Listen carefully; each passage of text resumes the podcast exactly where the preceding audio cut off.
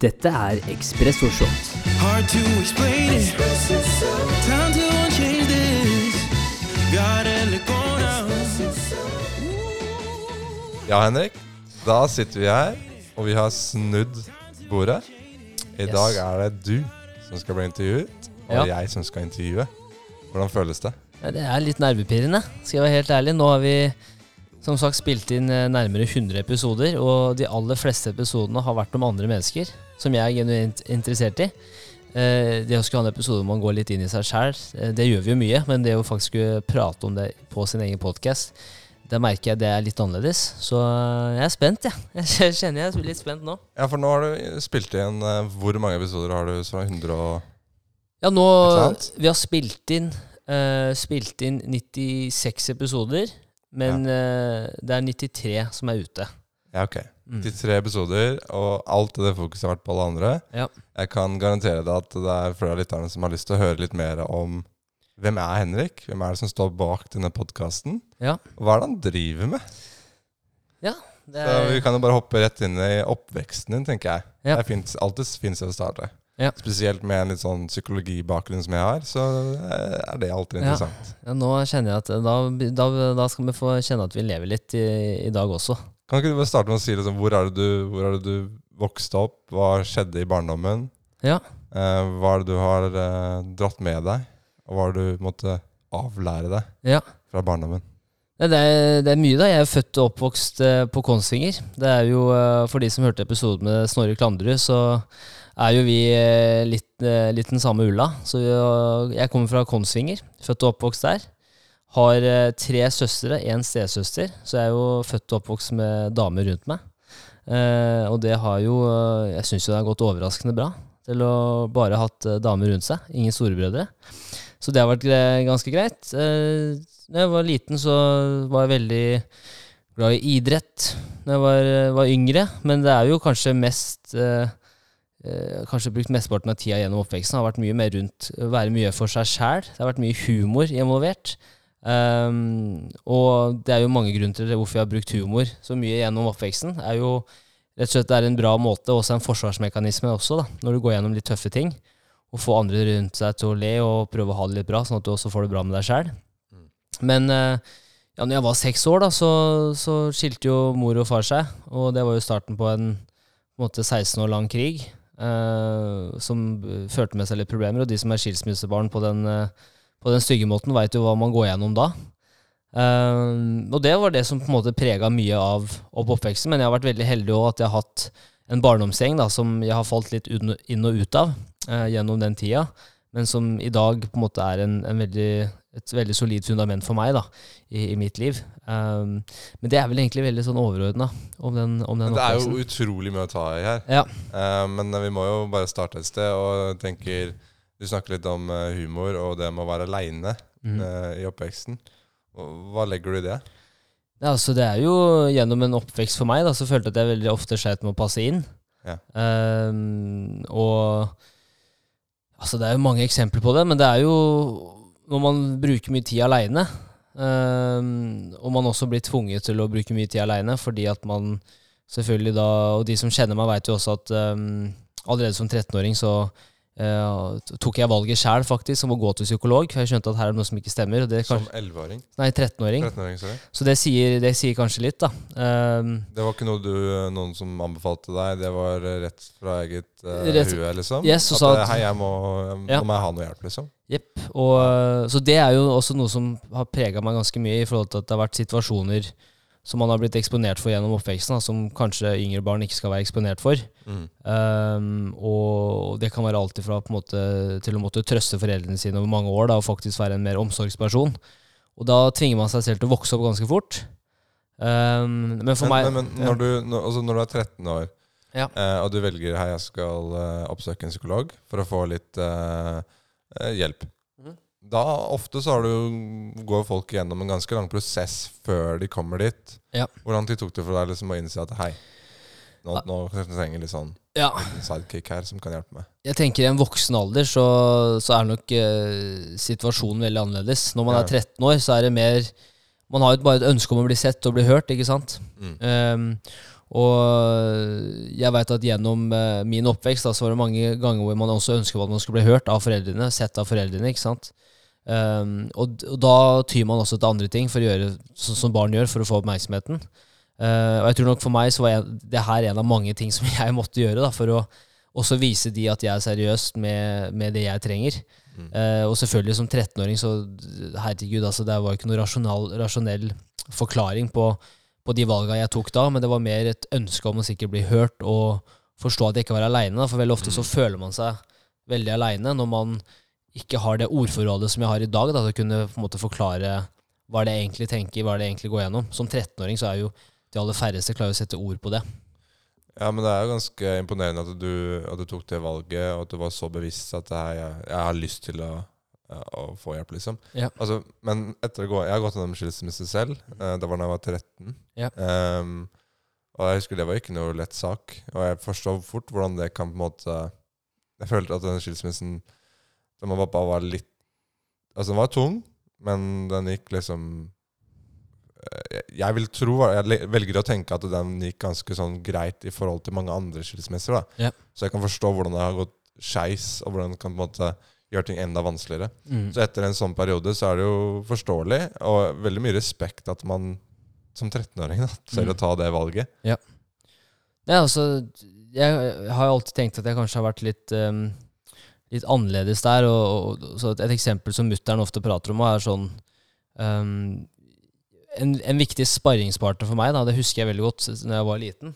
Så da jeg var seks, um, seks, sju, åtte år, ni år, uh, skal også snart begynne på, på ungdomsskolen også, um, så begynte jeg å kjenne veldig på nettopp det der med um, Det er bare naboen.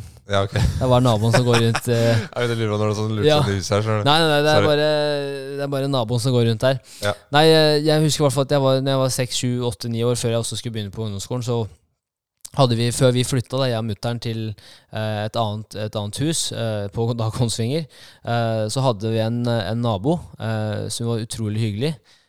som også hadde en liten, liten hund. Um, husker at den perioden så gikk jeg alltid over til henne når jeg da trengte å bli hørt og ha noen å prate med.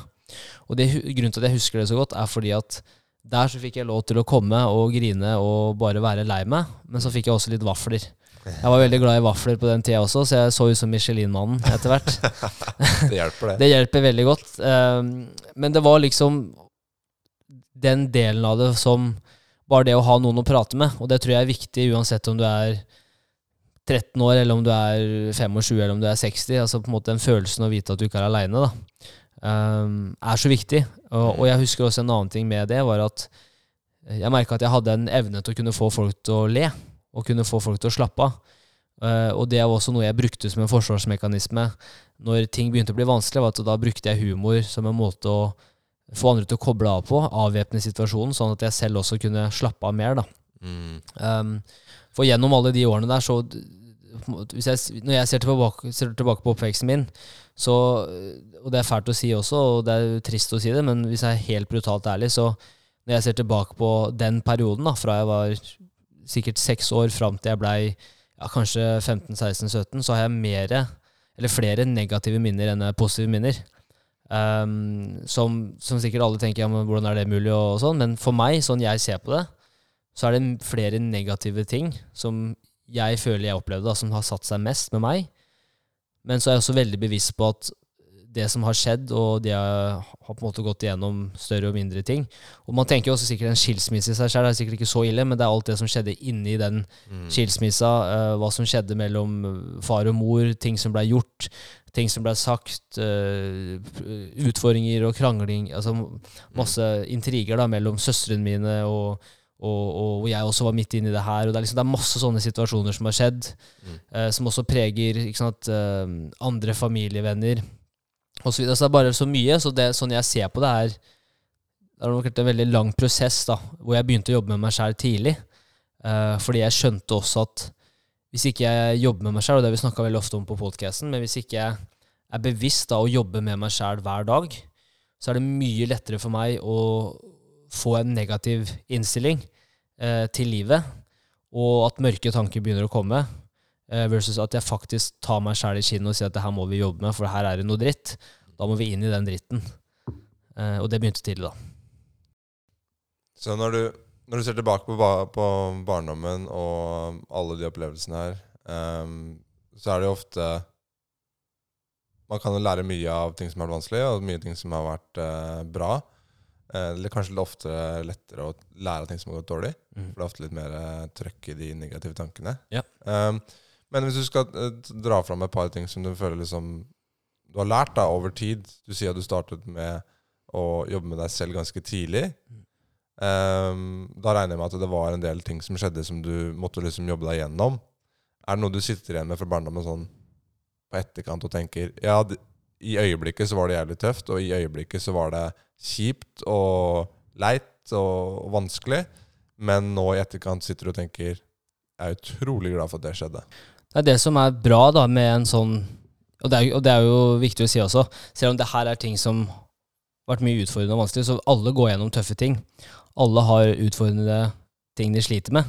Så det som er viktig å si her, er at det er også utrolig mye positivt i min oppvekst som jeg har tatt med meg videre, og en av de tingene som kanskje har satt seg mest, da, det er å alltid fokusere på det du får gjort noe med. For jeg husker da jeg var yngre, så brukte jeg utrolig mye tid på å fokusere på alt som jeg ikke fikk gjort noe med, og brukte mye tid og krefter og energi på å tenke fader, jeg skulle ønske det var sånn, jeg skulle ønske ditt var datt, jeg skulle ønske jeg var i en sånn situasjon, jeg skulle ønske jeg kunne gjøre noe med det. Og til syvende og sist sant, så hjelper ikke det meg noe som helst, det er min situasjon. Um, så det jeg har lært veldig mye av, er den evnen til å kunne alltid tenke over ok, hva er det vi faktisk får gjort noe med. De andre tingene som vi ikke får gjort noe med, det må vi se bort ifra. Um, og så er det også bare det å, å virkelig dyrke den egenskapen å være aleine. Og ha det gøy med seg sjæl. Uh, og, og det er Det gir meg et smil om munnen hver gang jeg tenker over liksom, den evnen til å kunne faktisk ha det gøy med seg sjæl. Ja. Og lage litt show i hverdagen. Ja, for da kommer vi plutselig over på noen uh, litt uh, Noen av de prosjektene du holder på med i dag. Henrik holder på med veldig mye forskjellig rart. Um, alt fra humor til seriøse samtaler til teknologi uh, og ledelse. Um, og vi skal hoppe inn i et par av de nå. For det nå, nå tenker jeg um, Lytterne er jo kjent med podkasten hvis de har hørt på episodene tidligere. Eh, så først så litt spennende å hoppe inn i humorområdet ditt. For du, du har et litt sånn Du har jo et behov for å liksom få ut humor og få ut liksom personligheten din da, på Ja. et område. Og da har du og en kompis, eh, et par kompiser, som har startet noe som heter Kroppsøving. Ja. Som er da et band. Ja. Kan ikke du fortelle oss litt liksom, hva, hvorfor startet det? Hvordan startet det? Og hvorfor gjør du det? Nei, som alle gode og forferdelige historier, det starta etter klokka tolv eh, på natta med altfor mye vin. Ja. Eh, det var, og det var jo sånn det begynte. Um, men igjen, ikke sant, det er den, det er den gjennom livet mitt har så humoren vært en sånn Som jeg nevnte først, det var sånn forsvarsmekanisme. Ja. Uh, Bare sånn for å si det sånn, da. ja. Du har vel aldri tenkt på at Hei, jeg er utrolig musikalsk, da. Det har vel Hva mener du, Nico? Jeg, har, eh, jeg, jeg har tenkt det. Nei, Du tenkt det, Okay, nei jeg har ja. tenkt det. Jeg har ikke tenkt det. Det er Men det er ikke sånn at du vokste opp i en familie oh. hvor det har vært uh, trommer og gitarer Nei. og filoriner fioliner og trompeter og sånn. Det er ikke sånn korps uh, Nei, så mormor Det kommer kommer litt sånn random, gjorde det ikke det? Ja, mormor var pianolærer, og hun kunne musikk. Hun gjorde det. Hun var Men det. eh, dessverre så ble ikke det ført videre ned i familietreet. Nei, ok. Så jeg fikk Men det er kanskje der det kommer fra, da. Ja, jeg håper jo altså, det var, Jeg står og gauler, det er det jeg gjør, men nå det, ja, det er shout-out til, til Martin og Mikkel nå, da, som er i gutta i kroppsøvning. Så det er Ja. de som er musikalske. Så de, de har vokst opp med litt uh... De er musikal... Ja, de, Ja, okay. de begynte tidlig når de var 11-12 år. Og de spiller liksom alt av instrumenter? Ja, er det- piano, eh, gitar, eh, kan redigere musikkprogram. De kan, altså de, det er de som er musikken. Jeg Ja. er bare han idioten som ikke Men du, du ja. ha, er, er du som har dratt det i gang, eller? Er det de som Nei, i vi, gang? vi dro det i gang sammen. Sammen, så ja, eh, Det begynte jo med For de få som kanskje har hørt Ungkar i badekar. så Det har vel alle hørt. Nei, det tror jeg ikke. Men det begynner å ta seg på Spotify, faktisk. Nå har vi vel 12 000 streams eller noe sånt. Uh, men uh, det begynte da med noen Da, da het vi Kabinettet, da. Det var der det begynte. Det var på en fest hvor uh, vi bare møttes. Vi pleier å ha et par gode middager i løpet av, løpet av året. Um, og da møttes vi, og så spiste vi god middag og, og sånn, og så begynte vi å bli litt fulle, og så har vi alltid en sånn Vi har alltid utrolig dype samtaler. Det er litt det samme som de samtalene som vi har, Nico. Vi prater om livet, vi prater om hva som går bra, hva som går dårlig. Um, og så drikker vi mer og mer, og så han Martin tenker at nå tar han fram gitaren, og så tar vi en liten sånn trall. Vi skal gå rundt sofaen, da. Alle skal synge litt da, og rime og sånn. Ja, Hva kaller man det? Kaller man ikke det en sånn eh, Det er boyband. Nei, nei, men sånn jab... Hva heter det? Det er jammesession, da. Er det ikke det? Jo, det, Jabbe-session. vi jamma Må du litt. snakke med musikalsk Ja, eh, språk her? yes. Og så setter vi oss i, i sofaen, og så, og så Altså, jeg har en video som jeg kan sikkert dele men det, starten da bare Dette syns vi er dritgøy. Ja. Så koser vi oss, og vi, vi koser oss med litt vin, og vi lager litt melodier, og vi synger litt, og det er dritdårlig. Men vi syns det er bra, ikke sant? det er det som betyr noe. Ja.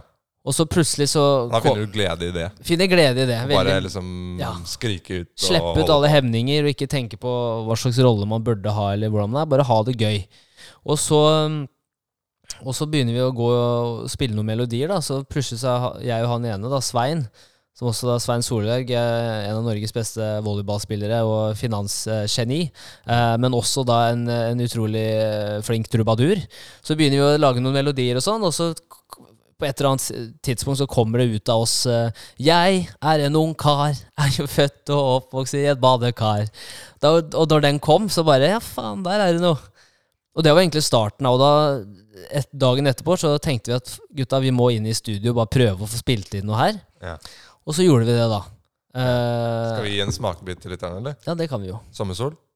Ja, eller Ungkar i badekar er vel kanskje den de vil høre, da. Ja, ok. Men da må jeg bladde lenger, for du har spilt inn en del her. Ja, men den, eh, det er kroppsøvning, så er- den er på kabinettet. For det er det første bandet. Ja, men kanskje skal vi kanskje skal ta en fra kroppsøving, da. Det kan vi gjøre. Hvilken har du da lyst til å eh, gi ut? Nei, det Blåmandag, Si du vil ha meg, eller Sommersol? vi kan jo, Du kan bestemme. Skal vi ta den helt nyeste, da? Det kan vi gjøre. Vi trenger alle streams Så- vi kan få, så gjerne spre budskapet nå, Nico. Ja, men Nå tar vi den første siste, holdt jeg på å si, den siste sangen Ja. dere har kommet ut med, Ja. Som heter Si du vil ha meg. Si du vil ha meg, for jeg står her nå.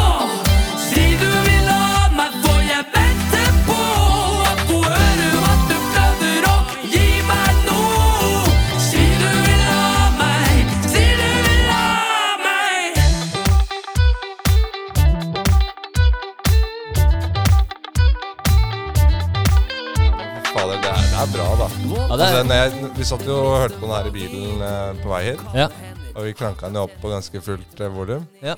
Og det er jo skikkelig i trøkken. Jeg merker jeg blir gira når jeg hører på den. Og det er rytme, og det er musikk, og det er liksom fine sangstemmer, og det I hvert fall det er sangstemmer, da. ja. ja men det er moro, og det, er, og det som begynte da, var jo eh, Jeg har alltid vært glad i musikk, og jeg syns det er moro, men det er jo den, den fellesnevneren for alt det som, som jeg har gjort, da, og, og det er jobben også, så er at man gjør litt vanskelige og utfordrende ting, eller morsomme ting, sammen med folk man liker. Ja. Eh, for det gjør alt så mye bedre. Når man kan eh, sette seg litt utafor comfort-sonen. Jeg syns det er helt rått, det. Ja, det er, jeg syns det, det er moro, og det er viktig også å si at Altså, det er jo helt rått at du tør å gjøre det. Synes ja, man jeg. må altså, det. Man må det. Hva er alternativet? Altså I tillegg til det eh, faktum at du ikke sier og kaller deg selv musikalsk fra starten av, da. Nei. Og bare Nei, nå skal jeg lage et band, og nå skal jeg begynne å synge. Og Ja, så skal jeg bare samle et par gutter som kan spille, Ja. og så lager vi noe musikk. ja. Og så Det- gjør vi det bare. Vi gjør det Og så bare. publiserer vi det. Ja, men Og så spiller vi live. ja, det er, vi har spilt live mange ganger nå, og det er jo altså En ting er å stå i studio og lage litt musikk, og, og promille er høy, Ja. eh, men Så vi snakka om det fortell oss om live-øyeblikkene her. Altså, De som også kanskje eh, kjenner meg nå, tenker at ja, Henrik er en ekstrovert fyr og det er all over the place og har ikke noe problem med det, men det er, det, det er en prosess. eh, Og vi snakka om det å komme over den der terskelen. Og med en gang du har kommet over den, så ting er utfordrende, ting er vanskelig, men det er ikke like vondt lenger når man gjør det. Fordi Mm. at man er såpass bevisst på at ok, her handler det om at vi skal ha det gøy. Det er først og fremst at vi skal ha en bra opplevelse. Eh, og uansett om det går dårlig, så er det også en historie rikere. Mm. Så selv om jeg altså, vi endrer litt på at nå handler det ikke om å prestere på det beste og det beste. Vi skal levere de beste musikalske opptredenene som noen har hatt. Det handler om ok, dette skal være en utrolig morsom opplevelse. Så når vi ser tilbake på det her, f.eks. det å spille i et bryllup foran 450-500 personer. Én ting er å skal ha en lite, liten appell eller en lite, liten tale til brudgommen. Det er vanskelig nok i seg selv. Det er vanskelig nok. så Man skal stå der og synge. Ja. Og det er også derfor det er viktig for meg å bruke humoren, sånn at folk også skjønner at Spesielt før man har fått bekreftelsen på at man er jævla god. Ja. Yes. Det er noe med det, da. ja. Altså Hadde du vunnet Idol, og du hadde liksom tatt den reisen og liksom ting hadde bare klaffa, så hadde det Ja. kanskje vært noe sånn Ja, da, da hadde du kanskje følt deg komfortabel nok. Men ja. det vi må kanskje fortelle her, er jo at du, du er jo ganske fersk. Fersk, ja. Altså, og du gjør det bare for gøy. Yes. Og du jobber jo med å bli bedre, og det, jo, det høres jo bra ut. Ja. Men det er jo krevende fortsatt. Du har ikke fått den konfirmasjonen kanskje på at hei, jeg er god. Nei, men det, også, Og det trenger du kanskje ikke Nei, den trenger jeg ikke. For at, det er viktig også sånn Når jeg nevner her, når noen ganger spør ja, ja, Har du et band? Ja, men det er, vi har det bare moro. Ja. Så er jeg veldig, veldig påpasselig med å si at det her er for at vi gjør noe morsomt sammen. Altså Mine mål er jo ikke, det er jo ikke at vi skal bli Jeg kødder veldig ofte med at vi sier at vi er en Norwegian Coldplay. Ja. Ikke sant? Men det er, jo, det er jo fordi at det er morsomt, det er en gimmick. Eh, mens målet for meg med det her er jo at det er en arena hvor jeg er så fersk, og det er så ukomfortabelt. Mm. Og, og skulle stå på en scene og gøvle. Ikke sant? Det er, ja, det hjelper at det er litt alkohol involvert når de du skal synge til også, men det å stå på en sånn scene, og du, du kjenner pulsen er 190, for det er så ukomfortabelt å stå der, så er det den opplevelsen etterpå. Så det er det, det, er det adrenal, adrenalinet som man jakter. Mm. Sånn at etterpå så bare føler du at horisonten din bare utvider seg. At ok, nå har vi faen meg gjort det òg. Ja. Husker du den gangen vi sto der og gøvla, Martin? Yes. Vi faktisk gjorde de tinga der. Så for meg så er det en veldig morsom et morsomt minne å ta med seg, men også sånn at neste gang jeg er i en sånn situasjon, så kan vi dra det litt lenger. Mm. Så det handler om å hele tiden utfordre seg litt og litt mer. For det her har jeg lyst til å dykke litt dypere på akkurat det området der, for det syns jeg er sykt spennende. Og det er liksom Hva er det Henrik tenker før han starter, hvor han sitter og tenker på ideen om Ja, kanskje vi skal starte et band. Hva er det som går inn med hodet ditt? Og da vil jeg gjerne høre perspektivet på liksom Hva er det du tenker sånn i forhold til selvutvikling, da? Sånn i forhold til det her med å tørre å drite seg ut. Hvilken, hva tenker du er liksom hvis, hvis du gjør dette her, og du utsetter deg for den ukomforten der, og på en måte pusher grensene, hvilken gevinst får du både da inni deg sjæl, og hvilken gevinst får du på andre arenaer i livet? Hva Tenkte du gjennom det når du startet, og hvordan tenker du på det nå? Ja, altså jeg kan jo Selvfølgelig, før man gjør sånne ting, så er det alltid lurt å tenke over hvorfor gjør vi det her. Hva er greia med det her? Uh, skal være helt ærlig, så når vi starta den første, første bandet og låta, da, så er det sånn Det eneste jeg tenker på, da, er hvordan kan vi ha det mest mulig gøy, og vokse på det. Men du sier Ja. vokse på det. Hva mener du med det? Nei, det er å gjøre ting vi ikke har gjort før. Har vi Hvorfor skal gjort. du gjøre ting du ikke har gjort før? Fordi at det utvider horisonten din. Hvorfor skal du utvide horisonten din? For det, det jeg er redd for, er å leve et jævlig kjedelig liv. Det er, det er en av mine største ting, altså ting Hva jeg skjer da, hvis du lever ditt, lever et Du får ikke ut potensialet, da. Og jeg mener og at da, alle Hvordan har føler du deg da? Hvis ikke du får ut Nei, Da føler jeg meg skitt. hvis jeg ikke, hvis jeg ikke setter meg sjæl i en posisjon hvor jeg faktisk kan utfordre meg sjæl. Hvis hvis- For meg, hvis livet blir en rutine Hvis jeg står opp klokka, eller tidlig på morgenen, og så går jeg på jobb, og så kommer jeg hjem fra jobb, og så legger jeg meg på sofaen og ser på Netflix. Eh, og det gjør jeg òg, for å si det sånn, jeg elsker Netflix. Men hvis jeg gjør det dag inn og dag ut, og bare er i den comfort-sonen, så tror jeg for meg og mitt liv så kommer jeg til å komme til et tidspunkt når jeg blir 40-50 år, og jeg kanskje da får 40-årskrisa, farge håret rødt, kanskje jeg kjøper meg en Harley, kanskje jeg drar til Las Vegas. det er et veldig flåsete eksempel, men det er noe med det å bare være i øyeblikket da, og faktisk prøve å gjøre det beste ut av det. Mm. Um, og en annen ting som er viktig å si her, er man må legge fra seg de hemningene og, og tankene om hva andre syns. For det la jeg fra meg for en, for en lang stund tilbake. Hvorfor var det så viktig for deg? For at det viktigste for meg er at mine nærmeste venner, de jeg jobber med, eh, min familie, eh, samboeren min, at de syns jeg er en bra person. At de syns jeg eh, er i tråd med mine verdier og det jeg ønsker å gjøre. Og hvis du skal da være redd for å hva noe annet, eh, om noen i samfunnet eller annet skal være redd for på en måte du lever ditt liv Herregud. Altså, det er jo Det har ingenting å si. Men, men den, den prosessen du har gått gjennom der, tror jeg er veldig mange som er interessert i å gå gjennom. Ja. Og mange har lyst til å komme på andre siden av den broa så fort som mulig, men veit ikke hvordan de skal gjøre det. Hvis du, hvis du skulle anbefalt uh, eller gitt noen tips i forhold til det, for at det, det er noe som jeg tror veldig mange sliter med, og skulle gjerne klart å takle bedre. Hva, hva, hva gjør man, liksom? Folk sier jo bare 'gjør det', hopp i det, prøv, test, lær, sånne ting. Men det er litt vanskelig å, å faktisk ta action på disse rådene. Ja. Har du noen andre tanker om hvordan man kan gjøre det? Jeg, for å svare på det, så tror jeg vi må tilbake til oppvekst igjen, da, igjen hvor man Ja. var veldig mye aleine. Og jeg tror når man er veldig mye aleine gjennom oppveksten, og man hele tida blir satt i en situasjon hvor man må finne svarene selv, Um, og det er på en måte ingen som legger veien for deg, da. Og det, altså, det kan være Mm. Så du er født og Så oppvokst du i en tar ansvaret som ja, for eget liv? du kan være født og oppvokst i en privilegert familie, og det kan være materialistiske ting, og du får rikdom og alt det, men en annen ting for meg som er mye viktigere, er den mentale eh, bagasjen, eller den mentale læringa, da, som du får fra dine foreldre, eller du får fra dine søsken. Mm. I min opplevelse og, og, og oppvekst så følte jeg at veldig mye av det her måtte jeg ta ansvar for selv. Eh, og når man går, på en, går gjennom en sånn prosess, uansett om man er ung, eh, i midten av året eller gammel, så for meg så var det veldig viktig å, å føle at jeg faktisk turte å sette meg i en situasjon hvor jeg, hvor jeg finner ut av hvem er det jeg er som person. Hvem er jeg? Og de spørsmålene begynte ganske tidlig. Og når man finner ut hvem man er som person, hva slags verdier man har eh, Altså, man snakker jo om leveregler. Ikke sant? Eh, Storsismen også prater jo om måten å leve livet sitt på. Og hvis man har verdier, så er det mye lettere å ta valg i hverdagen, for man veit at det er i tråd med hvem man er som person. Og de måte, tankene fikk jeg veldig tidlig. For jeg fant ut at ok, jeg skal være en som eh, på en måte alltid prøver å få andre til å ha det bra med seg sjæl. Jeg skal alltid være en som prøver å få folk til å slappe av. Eh, de har det bra når de er rundt meg. De slapper av, de har det gøy. Eh, de blir motivert og inspirert til faktisk tørre å strekke seg litt utenfor komfortsonen.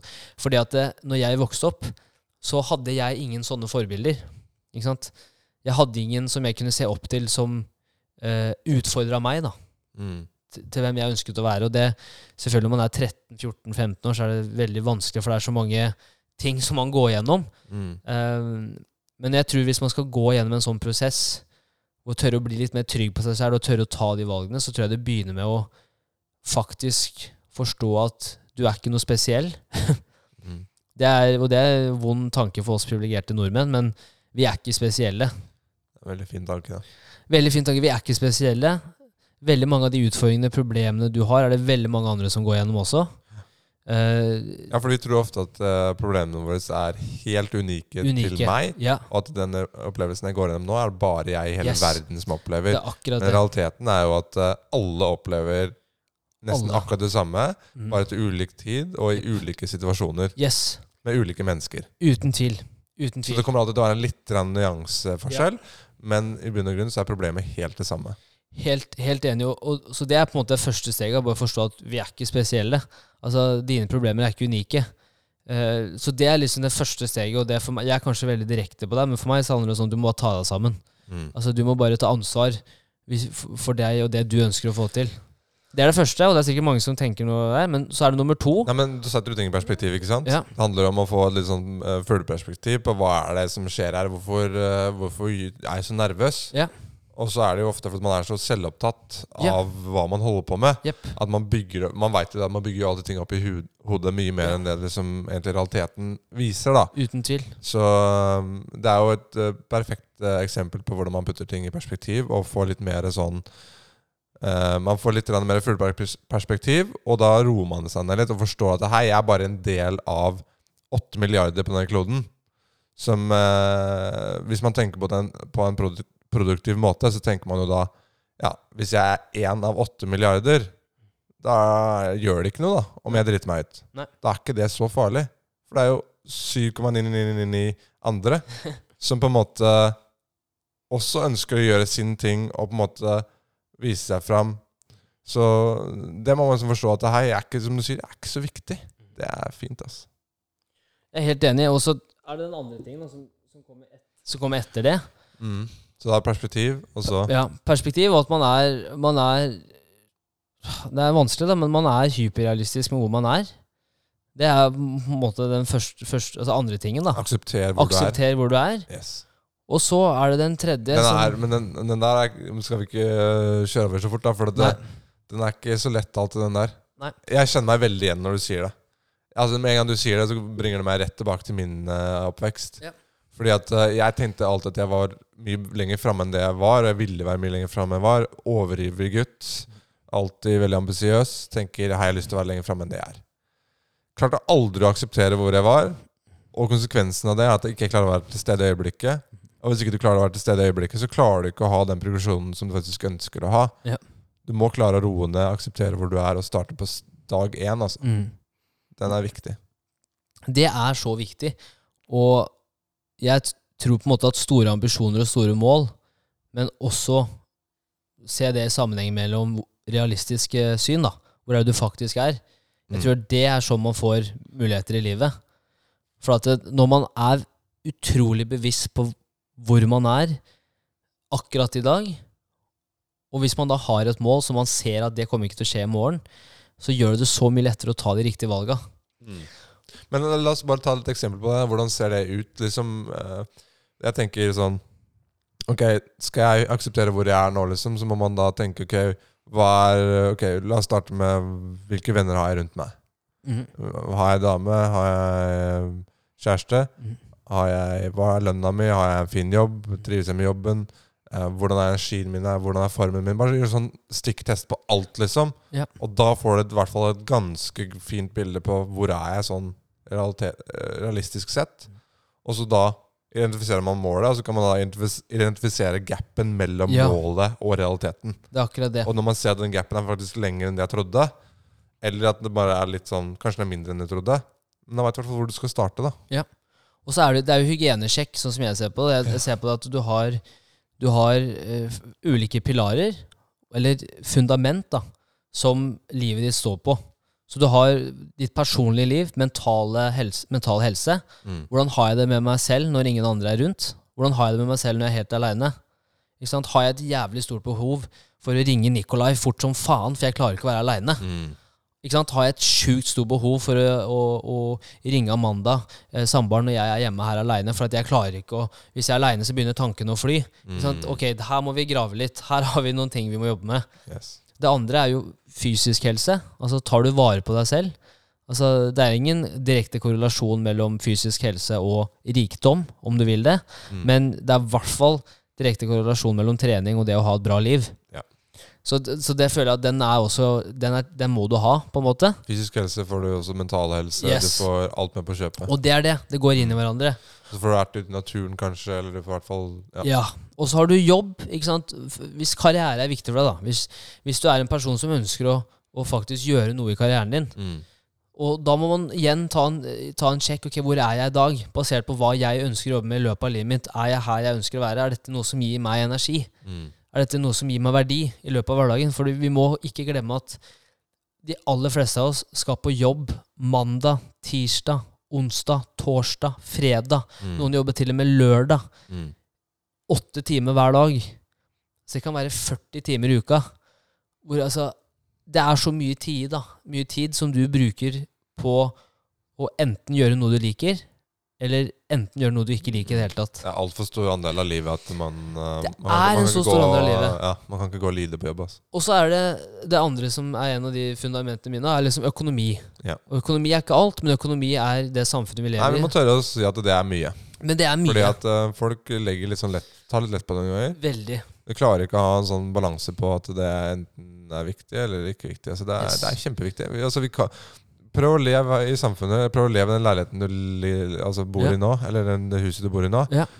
uten økonomi. Det går jo ikke. Går ikke. Også, Da må, du, da må du ut i skogen, da. Ja, og det er sikkert mange som mener at uh, kommunismen er en bedre, bedre retning å gå, men dessverre så er vi i et samfunn nå hvor det kapitalistiske samfunnet er det som funker best i praksis. Det betyr ikke at det er best, det er det som funker best av det vi har nå. Og i Norge er vi jo sjukt privilegerte at det er såpass god relasjon mellom det offentlige og det private. At du har muligheten til å bli tatt vare på, Mm. samtidig som du også faktisk prøver å gjøre noe med livet ditt, da. Hvis man skal være såpass direkte, da, og si Ja. det som er. Så det så, så den delen her er så viktig å ta en sjekk over hvor er man er i livet. Uh, og ikke sant En ting er jo også Du har liksom egen helse med deg selv, mental helse, fysisk helse. Du har familie, nære relasjoner. Hvordan føler du at det er? Um, du kan ha Ikke sant Vi snakker også om La oss si mer sånn som jeg kaller som en hobby. Eller ting man gjør som er mer sånn for å utvide horisonten. Og for meg så er jo liksom podkasten det, definitivt. Og så er jo også den musikken det. Ikke? Mm. Det betyr ikke at jeg skal bli en rockestjerne, for såpass selvinnsikt har jeg. Selv om det kanskje ikke ser sånn ut. Vi får se. Vi får se. Jeg tviler, jeg Eh, tviler ikke. Men det er viktig, for at det, Og som du sa, at det her påvirker alle de andre tingene òg. Mm. Hvis du gjør det bra på jobb, så får du det bedre hjemme. Yes. Hvis du har det bra hjemme, så får du også det bedre på jobb. Hvis du går dårlig på jobb, så påvirker det også forholdet ditt. Hvis du Nei, går sånn. dårlig på hjemmebane, så du Ja. blir prega av det i andre situasjoner i livet ditt. Ja. Så, så du må, kan tenke at dette Det er er som det der livshjulet. Livshjulet. Du har gjort livshjul før. Ja, jeg, Har det? jeg har tatt bare fysiske livshjulet. Den. Men den, den er fin, den der, for da har du kanskje ti områder eh, på livet, og så skal Ja. du rangere dem fem til ti. ikke sant? Ja. Og så, Det som ikke jeg skjønte før nylig, er at når du har fullført den La oss si du har noen på fem, noen på ti, noen på tre, noen på ti osv. Mm. Um, og så er tanken det hjulet skal gå rundt. Ja. Men hvis det er helt sånn skeivt, det ser ut som en eh, sånn uh, Yep. mongol, altså, punktert dekk, ikke sant? Mm. Uh, da går jo ikke det hjulet rundt. Eh, og det er jo akkurat Det skjønte ikke jeg på det livshjulet før nå. Nei. At det, liksom, det er jo tanken. Det Det er, det som du sier der. At én ting påvirker den andre, og den andre påvirker den andre igjen. Og igjen Ja. og igjen, og igjen. Og hvis du klarer da å få en god average mm. på alle, så går det i hjulet mye fortere. Uten tvil. Uten tvil. Og så, når vi kommer tilbake til som du sa da, hvordan kan man ta de stegene for å komme seg utenfor komfortsonen, Mm. ikke sant? Um, så er det det siste punktet her. Som det første er det bare å være liksom veldig bevisst av å forstå at du ikke er spesiell. Det er det første. Det andre var uh, at på en måte at eh, du må være veldig realistisk med hvor du er. Akseptere hvor du er. Akseptere hvor du er, og, og ikke sant, ta en sånn hygienesjekk over hva er det som skjer i livet. da. Og selvfølgelig, hvis, hvis, hvis du ikke får noen verdi av å tenke uh, karriere, tenke liksom svære Du er mer familieperson. Selvfølgelig, da skal man bruke mer tid og energi med familien. Ja, for det handler jo om deg. Det handler jo om deg til syvende og sist. Det er veldig viktig, og Hvis jeg, er hvis den jeg står i sitt og sier at du må være ambisiøs Nei. Og det er veldig viktig, for at folk tenker at ok, men er ambisiøs, ja, men hva hvis ikke det er viktig for meg? Så er det sånn Så må man definere det. ikke sant? Yes, hva er hva er, hva er ambisiøs, Ja. og hva er det jeg Hva er potensialet mitt, da? For Ja. du snakket jo litt om det. I forhold til at du syns det er skummelt å tenke tanken om at nei, kanskje jeg ikke får ut mitt fulle potensial mens jeg lever. Mm. Uh, og det tror jeg mange kan kjenne seg igjen på. Jeg tror de fleste egentlig kan kjenne seg igjen på hvis de gidder å høre på seg selv. Ja. Det er sånn Hvis du har muligheten til å gjøre noe uh, helt rått i livet, så gjør du gjerne det. Yes. Så det kanskje folk må spørre seg litt mer om, er hva, er, hva hadde jeg liksom angra på hvis jeg Mm. ikke hadde gjort det? Og hva, hva hvis jeg ikke hadde fått ut mitt eh, fulle potensial? Hvordan hadde det føles ut Ja. eh, på dødssenga, liksom? Men for, for å si det sånn, at frykten min for å være kjedelig, Mm. å leve et kjedelig liv, er mye større enn frykten for å drite seg ut. Ja. Bare for å sette i perspektiv da, at den frykten som Yes. jeg går og kjenner på for å være en jævla døll og kjedelig person, Mm. den er mye større enn den frykten for hvis noen ler Har det alltid vært sånn?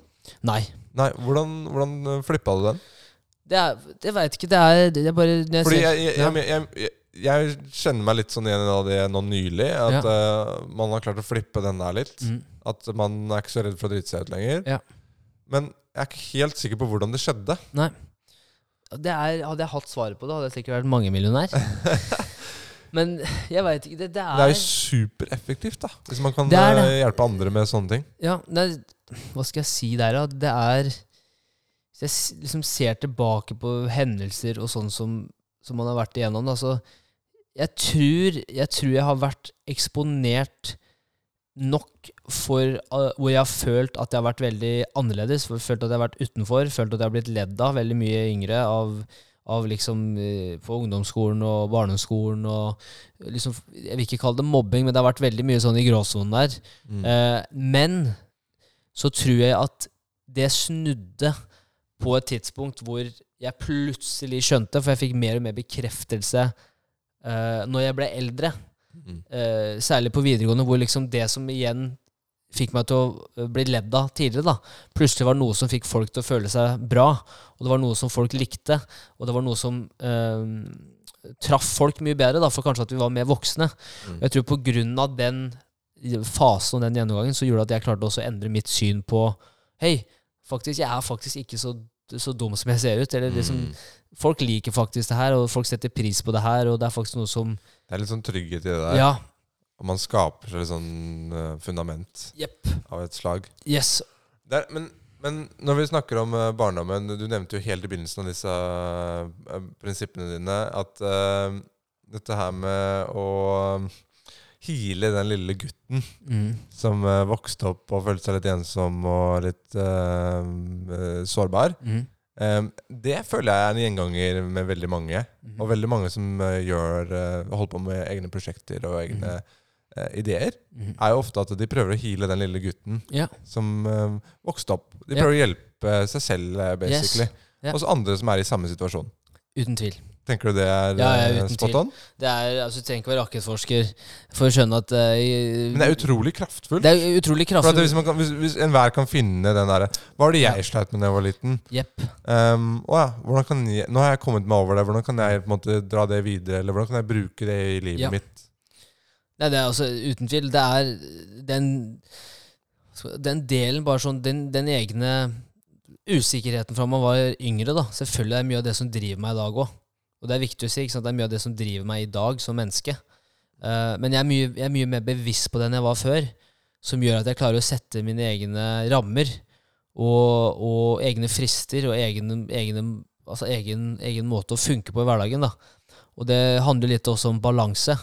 Der jeg, helt, jeg er så ræva på det. Men jeg prøver i hvert fall å sørge for at når jeg er et sted, så er jeg veldig bevisst på akkurat den oppgaven jeg skal gjøre rett foran meg. Eller om det er å være sammen med uh, idio den idioten her. Eller hva det er. Hallo, stå opp. Det er bare bikkja til Henrik som ligger rett opp ned og sover. Jeg tror han syns det er veldig uh, avslappende å høre han snakke. Jævlig kjedelig å høre på fatteren. Vi håper at lytterne er mer engasjert enn den lille hunden her. Lever du, eller?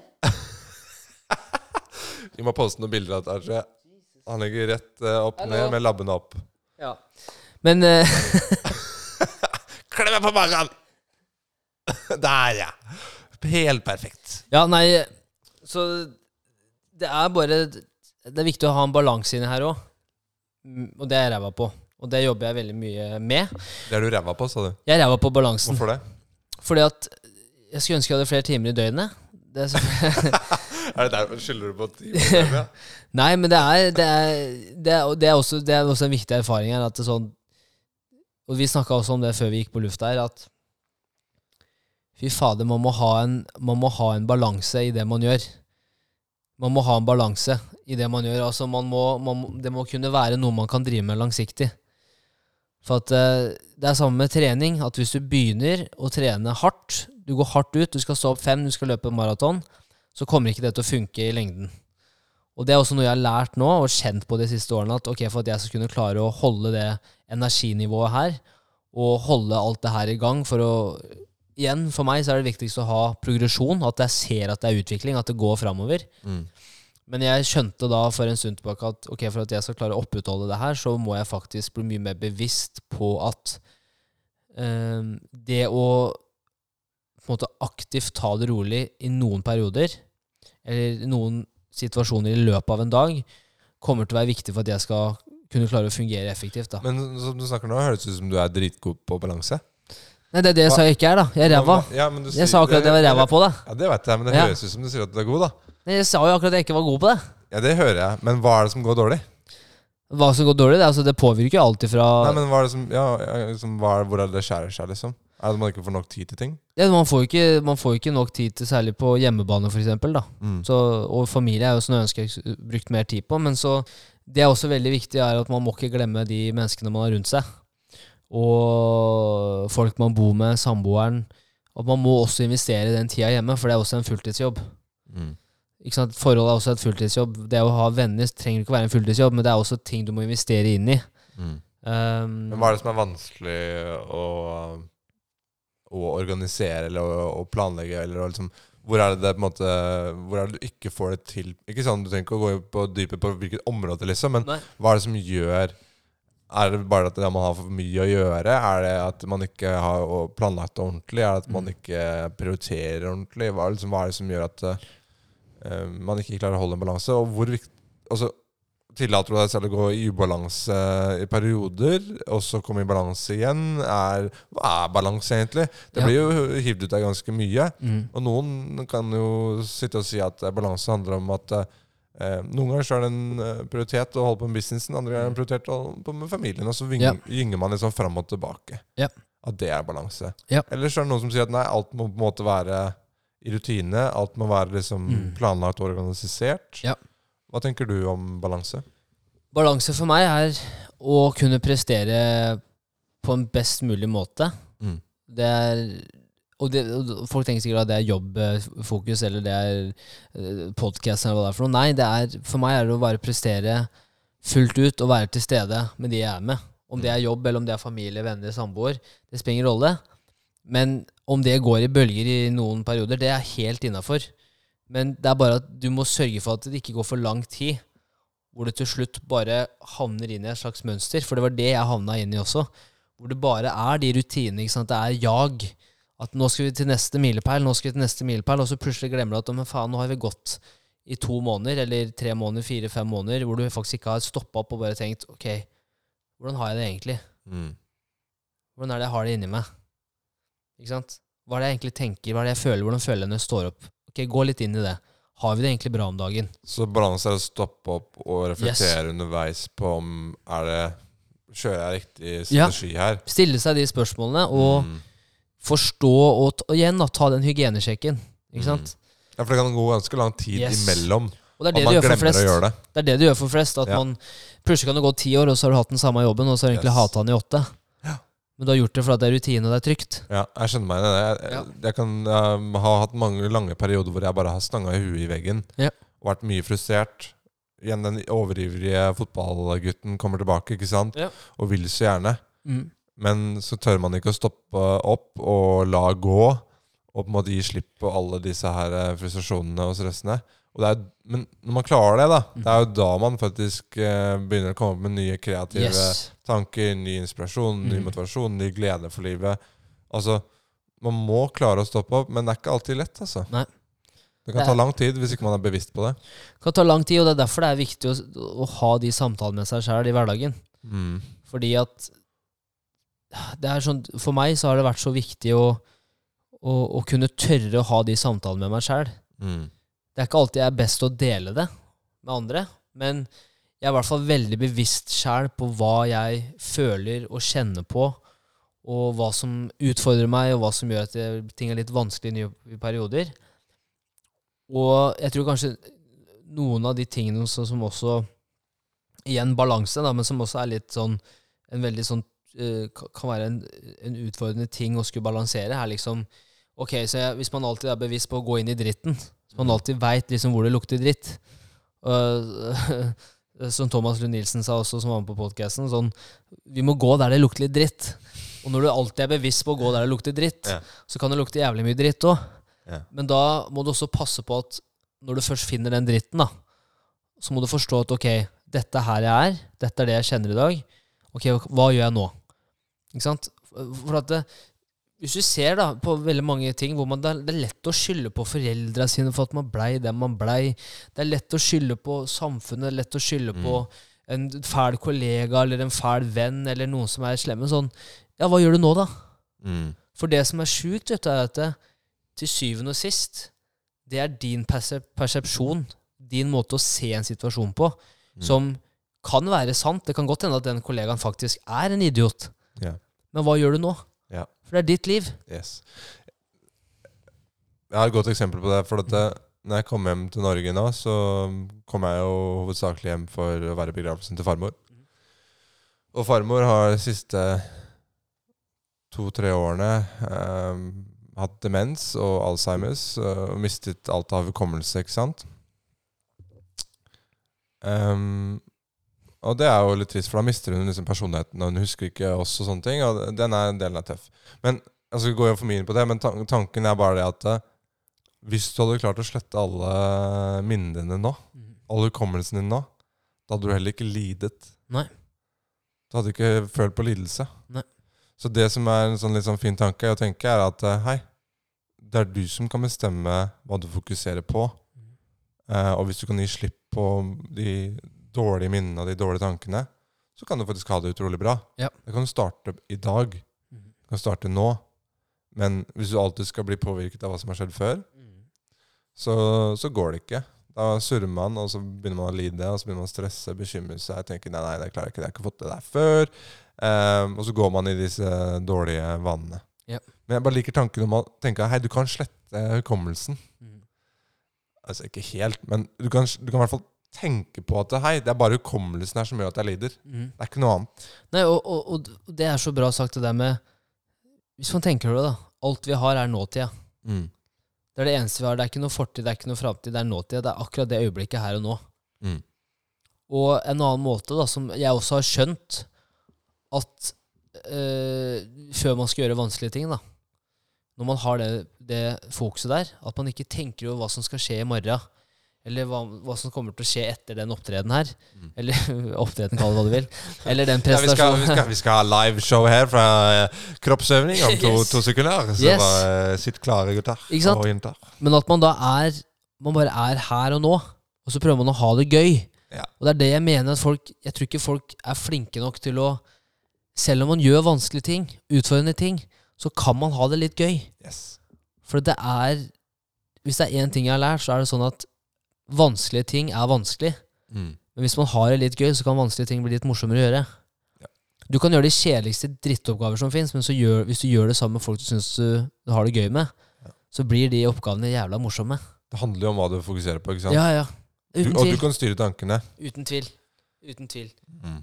Så Men, okay, men nå har vi snakket mye om Ja. eh, kroppsøving, også mye dypere. Like Og- and share, kroppstrening på Spotify. Vi trenger alle syns vi kan få. Før vi avslutter, så vil jeg Ja. gjerne ha en liten sånn uh, inntrykk av hvorfor eh, du startet podkasten. Altså Ja. hva, uh, hva var tanken der? Du har jo snakket litt om det her tidligere på podkaster. Men nå har du jo spilt i nesten 100 episoder. Ja. Hva har du lært? Og, men la, la oss starte med hvorfor du startet det. Eh, som jeg nevnte på starten, så gjennom oppveksten min så følte jeg ikke at jeg hadde særlig mange rollemodeller, forbilder, som jeg kunne på en måte spørre om ting. da. Og, og det var veldig mange ting, og særlig gjennom, og det er sikkert for aller fleste ungdommer som vokser opp i dag, det var så mange situasjoner i oppveksten, men også livet generelt, hvor jeg tenkte sånn Fader, her skulle jeg likt å ha hatt noen som har vært på den, det stedet her før. Hva gjorde du i den situasjonen her? Eh, og det gjelder fortsatt. Eh, så det er den første tingen, at jeg ønsket å lage en arena hvor jeg kan komme i kontakt med folk som jeg ser opp til. Uh, som jeg virkelig veit har vært gjennom de tingene jeg har vært gjennom. Eller kanskje de ikke har vært gjennom samme ting i det hele tatt, men kanskje jeg kan lære noe helt nytt. Um, og så var det jo, som også sagt før, i forhold til at jeg har jo to nieser.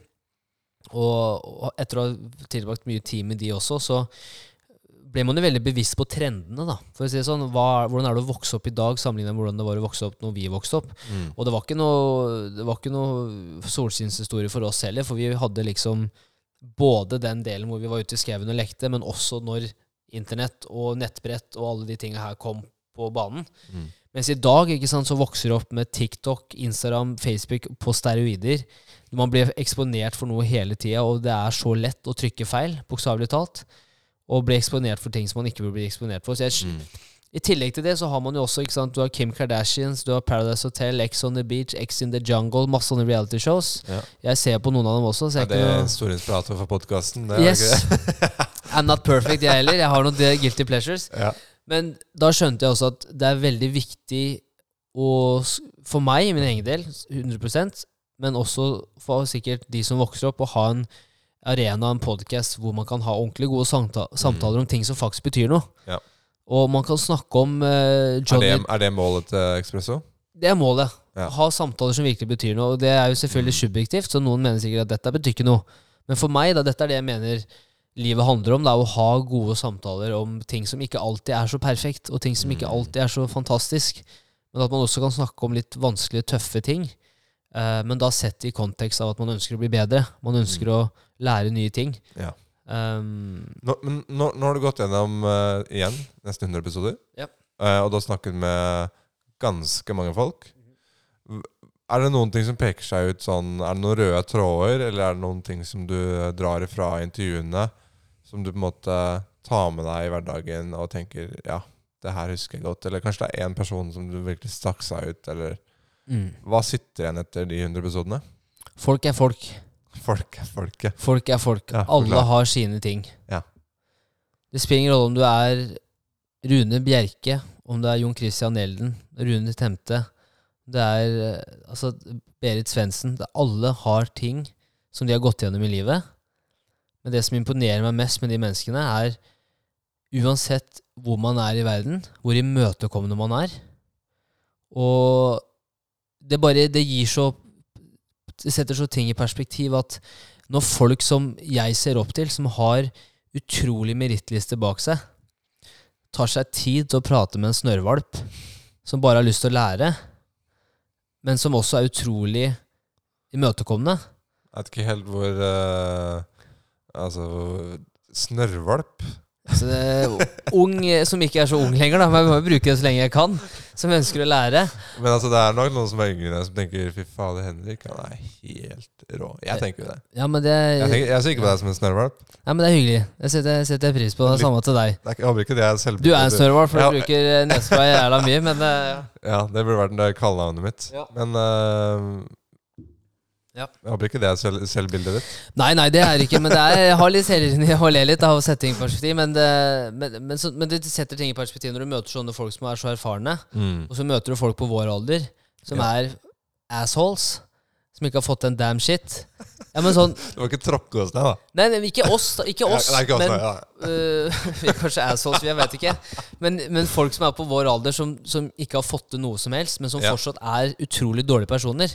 Og så har du de folka her som er sånn de, altså, sånn, Hvis man tenker sånn at de her har fått til så mye, Mm. men det er ofte de som er mest møtekommende og snille og hyggelige Ja. og ønsker å lære bort. Mm. Uh, så det er det første. At Veldig be bevisste mennesker. veldig bevisste mennesker på hvordan de er med seg sjæl og rundt, folk rundt seg. Mm. Og så er det Det andre er kontraster, er det som gir livet mening. At hvis du hele tida har Altså, for de som ikke ser nå, da, men altså, hvis jeg bare tar hånda sånn, et, bare sånn rett fram Livet ditt bare går rett fram. Det er ingen bølger. Det er ingen oppturer, det er ingen nedturer. Det er et kjedelig liv. Mm.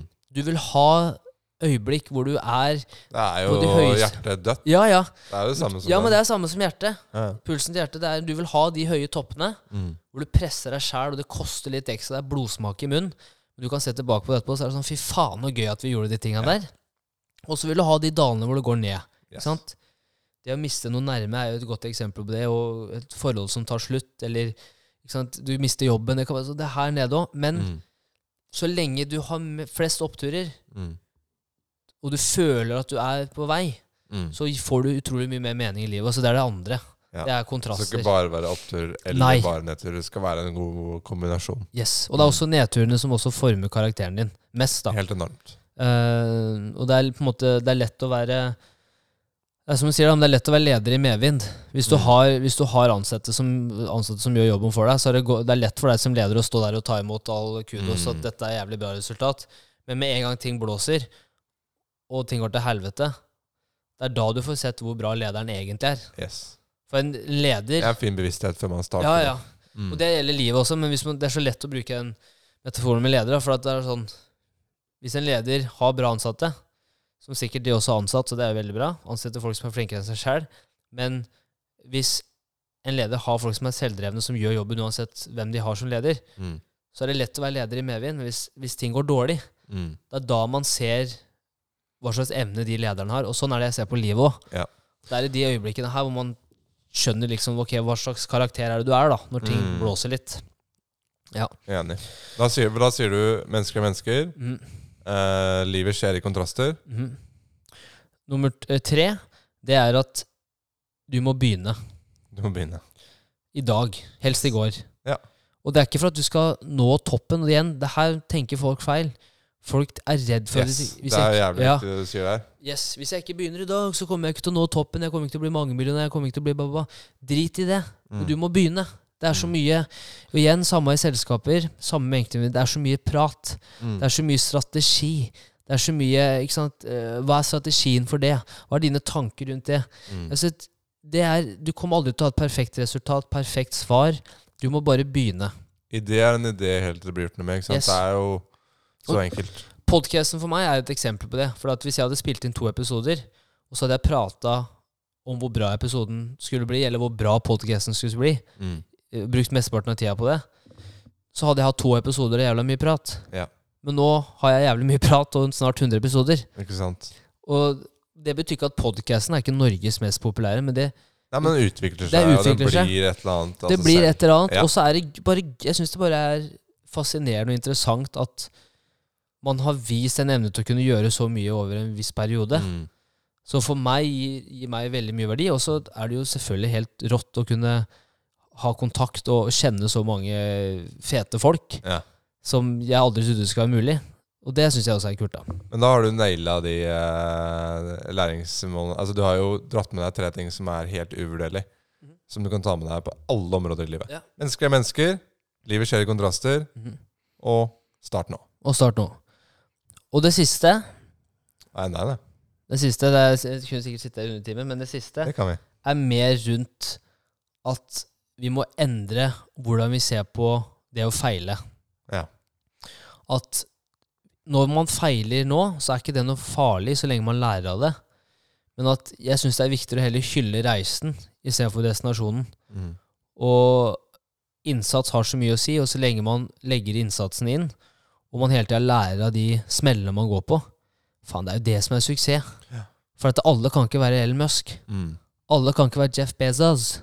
Og det er en klisjé, og vi elsker klisjeer. Det gjør vi. Livet er et lære, som en Det er Paradise en grunn til at det er Hotel-deltaker klisjeer. Selvfølgelig. Fordi det har vært Selvfølgelig, det er et marked for det. en marked for det? Ja, men det er sant. det, er, det er fordi at folk har gått i den samme Ja. løypa gang og gang og gang. Altså, altså du, du kan jo snakke med hvem som helst, og de Mm. sier jo akkurat dette her. Ja. Akkurat du sier nå. Og så det første jeg sa, at vi er ikke spesielle. Og det er også en annen ting Du som er litt spesiell, da. Det vet jeg. Men det- Espresso er litt spesiell. Weird. I'm, I'm weird. Men Nei, men, men det er ikke ta seg selv så høytidelig, da, som Ja. du snakket med han Å, eh, det er så hvem- viktig. Hva heter han, den, eh, han du hadde episoden Snorre, med? Snorre, ja. hvordan det kan bli et Han konkurransefortrinn. eh, hadde jo veldig fokus på det, Ja. og det er jo så sant. Det er så sant. Tenk. Bare tenk over det. For at det, Veldig ofte så tør ikke folk å gjøre ting for at de er redd hvordan de blir sett eh, Hvordan folk kommer til å se, se på dem. Ja. Bare at, Se for deg et eksempel her nå. Dette er sånn dette funker. Folk tør ikke å starte noe eget, for de er redd for ok, hvordan kommer jeg til å bli sett ut. Sånn. Mm. Hvordan kommer folk til å tolke meg som person? Ja. Hva hvis de ikke liker det? Hva hvis de hater det? Se for deg du drar på et treningsstudio. Mm. Et treningsstudio nå er jo som å gå inn på Victoria's Secret uh, Fashion Walk. Er folk der for å trene, eller er folk der for å uh, på en måte gå med altså, flok, De er flokkdyr. ikke sant? Skal vise fargene sine. Yeah. Hello, I am ready to tango. ikke sant? Men det forskning viser også, at når folk drar på treningssenter, så er de mer opptatt av hvordan de selv ser ut. Ja. Ikke sant? Mens fra utsida, når man, ser på andre mennesker, tenker man fy faen, nå ser de på meg. Mm. Nei, det er ikke ofte det skjer. Du ser jo de står ofte mye nærmere speilet enn de står nærme deg. Yes. Ja. Og det føler jeg er et hil- hilarious example. Mm. Det er et lættis eksempel yeah. på hvordan det er i samfunnet. At folk har nok med seg sjæl. de har det. Folk Altså, får du Ja. oppmerksomhet i to sekunder, så veit at Det er glemt det i går, morgen. det går bort etter et par minutter, liksom. Det det går bort etter et par minutter. Med mindre du er eh, Johnny Depp og Amber Heard. Det er, går ikke bort etter et par minutter. Kanskje, kanskje et par måneder, da. Par måneder. Det går bort, ja. Det, kom, Det er bare spørsmål når- den blir skrinlagt, liksom, så blir, Det er glemmer man det. det, er helt, det er helt sant. Ja. ja. Og sånn er det. Det er nok mange TV-programmer og kjendiser som har oh, ja. kommet, som vi, som vi har heisa opp, og som ikke vi husker nå. Nei, Det er sant. Nei. Det er sant. Nei, men Henrik, da har vi fått en uh, smakebit på hvem du er. Ja. Hvem er det som står bak podkasten? Mm. Litt på barndomslivet, litt på artisttilværelsen din, Ja. og litt på podkasten, hvordan du startet den. Ja. Har det vært bra å være med i det? Det har vært det er ukomfortabelt. Det- Det er det, for det Det er ukomfortabelt, for at det er, det er noe helt annet å være på den sida hvor du er nå, hvor man kan på en måte intervjue. Mm, Det er en sikkerhet, det er, sant? det er en trygghet at det er du som stiller spørsmålene. det er det. Uh, og det er der jeg ofte er. Så jeg merker nå at når man får de spørsmålene Og det er ikke ting at man, at man ikke har tenkt på det før. Det er bare sånn det skulle formulere seg og skulle kommunisere det uh, på en måte da som, som man ønsker at det skal være uh, kort og konsist. Det er litt annerledes. Jeg syns det var helt knall. Jeg syns du var kjempeflink. Men så takk. Det er veldig hyggelig. Du er litt spesiell. Jeg er litt spesiell. Det er faen meg du òg. Men det er bra. Ja. Da kjører vi på. Da kjører vi på. Takk for at dere lytter.